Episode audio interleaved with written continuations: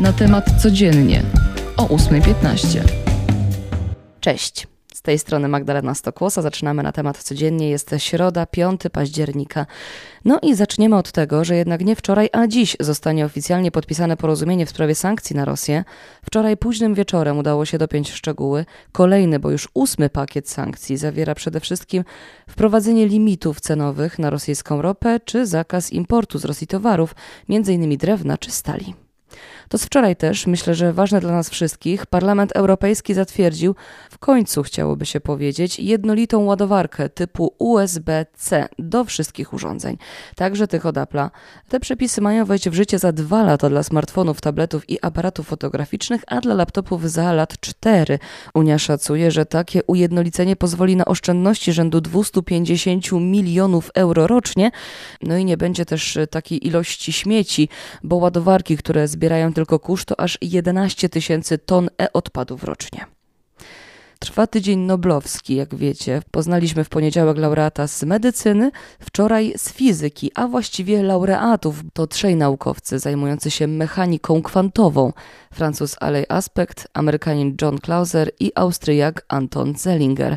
Dzięki ich pracy powstała nowa technologia, która opiera się na informacjach kwantowych, no, nie będę się tutaj silić, żeby wam wytłumaczyć fizykę kwantową, która dla mnie jest też czarną magią, ale wiem jedno, że ich prace mają istotne zastosowanie w przesyłaniu informacji, rozwoju komputerów kwantowych i nowoczesnych czujników.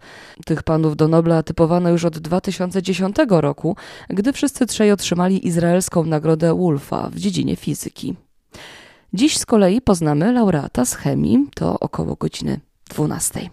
A jak już e, jesteśmy przy zapowiedziach, no to dziś ważny dzień dla kredytobiorców. Rocznica można powiedzieć, bo dokładnie od października zeszłego roku rozpoczęły się podwyżki stóp procentowych i dziś zbierze się też Rada Polityki Pieniężnej, która zapewne po raz dwunasty stopy podniesie. Stopa referencyjna to teraz 6,75%, a z szacunków ekonomistów wynika, że dziś dobije ona do 7%.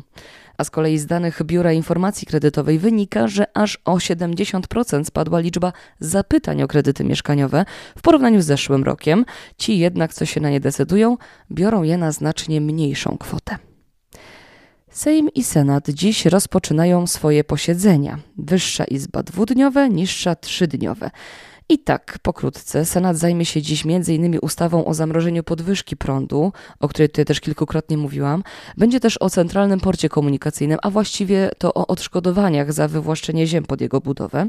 Z kolei Sejm y, zajmie się na przykład projektem w sprawie utworzenia centralnego azylu dla zwierząt, do którego trafiałyby m.in. drapieżniki odebrane przemytnikom w trakcie prowadzonych postępowań. Dziś prezydent Andrzej Duda zaczyna dwudniową wizytę na Malcie. Weźmie udział w spotkaniu prezydentów państw grupy Erhijousz. To grupa, która łączy kilkanaście państw. Ta grupa powstała w 2003 roku. No i co roku podczas spotkań omawiane są na niej bieżąca sytuacja i przyszłość Unii Europejskiej. To tak w skrócie. Teraz sport i niestety porażka naszych siatkarek w meczu z Serbią w pierwszym meczu drugiej fazy grupowej na Mistrzostwach Świata. Nasze rywalki, no co tu dużo mówić, grały jak natchnione, ale no tak grają od początku tego turnieju, ale Polki mimo, że nie wywalczyły żadnego seta, to też łatwo nie odpuszczały. Serbia pozostała liderem grupy F, a Polki spadły teraz na siódme miejsce. Przypomnę, że tylko pierwsze cztery drużyny przechodzą do kolejnego etapu rozgrywek. No nic, trzeba się z tego otrząsnąć i mocno stanąć na nogi, bo nie ma dnia przerwy. Dziś biało-czerwone zagrają z Amerykankami, a to przecież mistrzynie olimpijskie, więc też łatwo nie będzie. Początek meczu o 20.30. Mam też dobre wieści na koniec dla podróżujących pociągami albo dla tych, co myślą o jakimś długim weekendzie w październiku albo w listopadzie.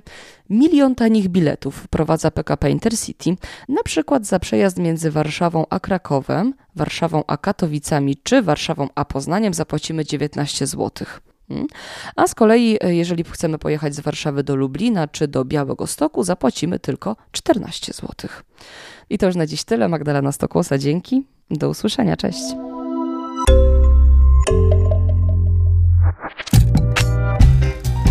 Na temat codziennie o 8.15.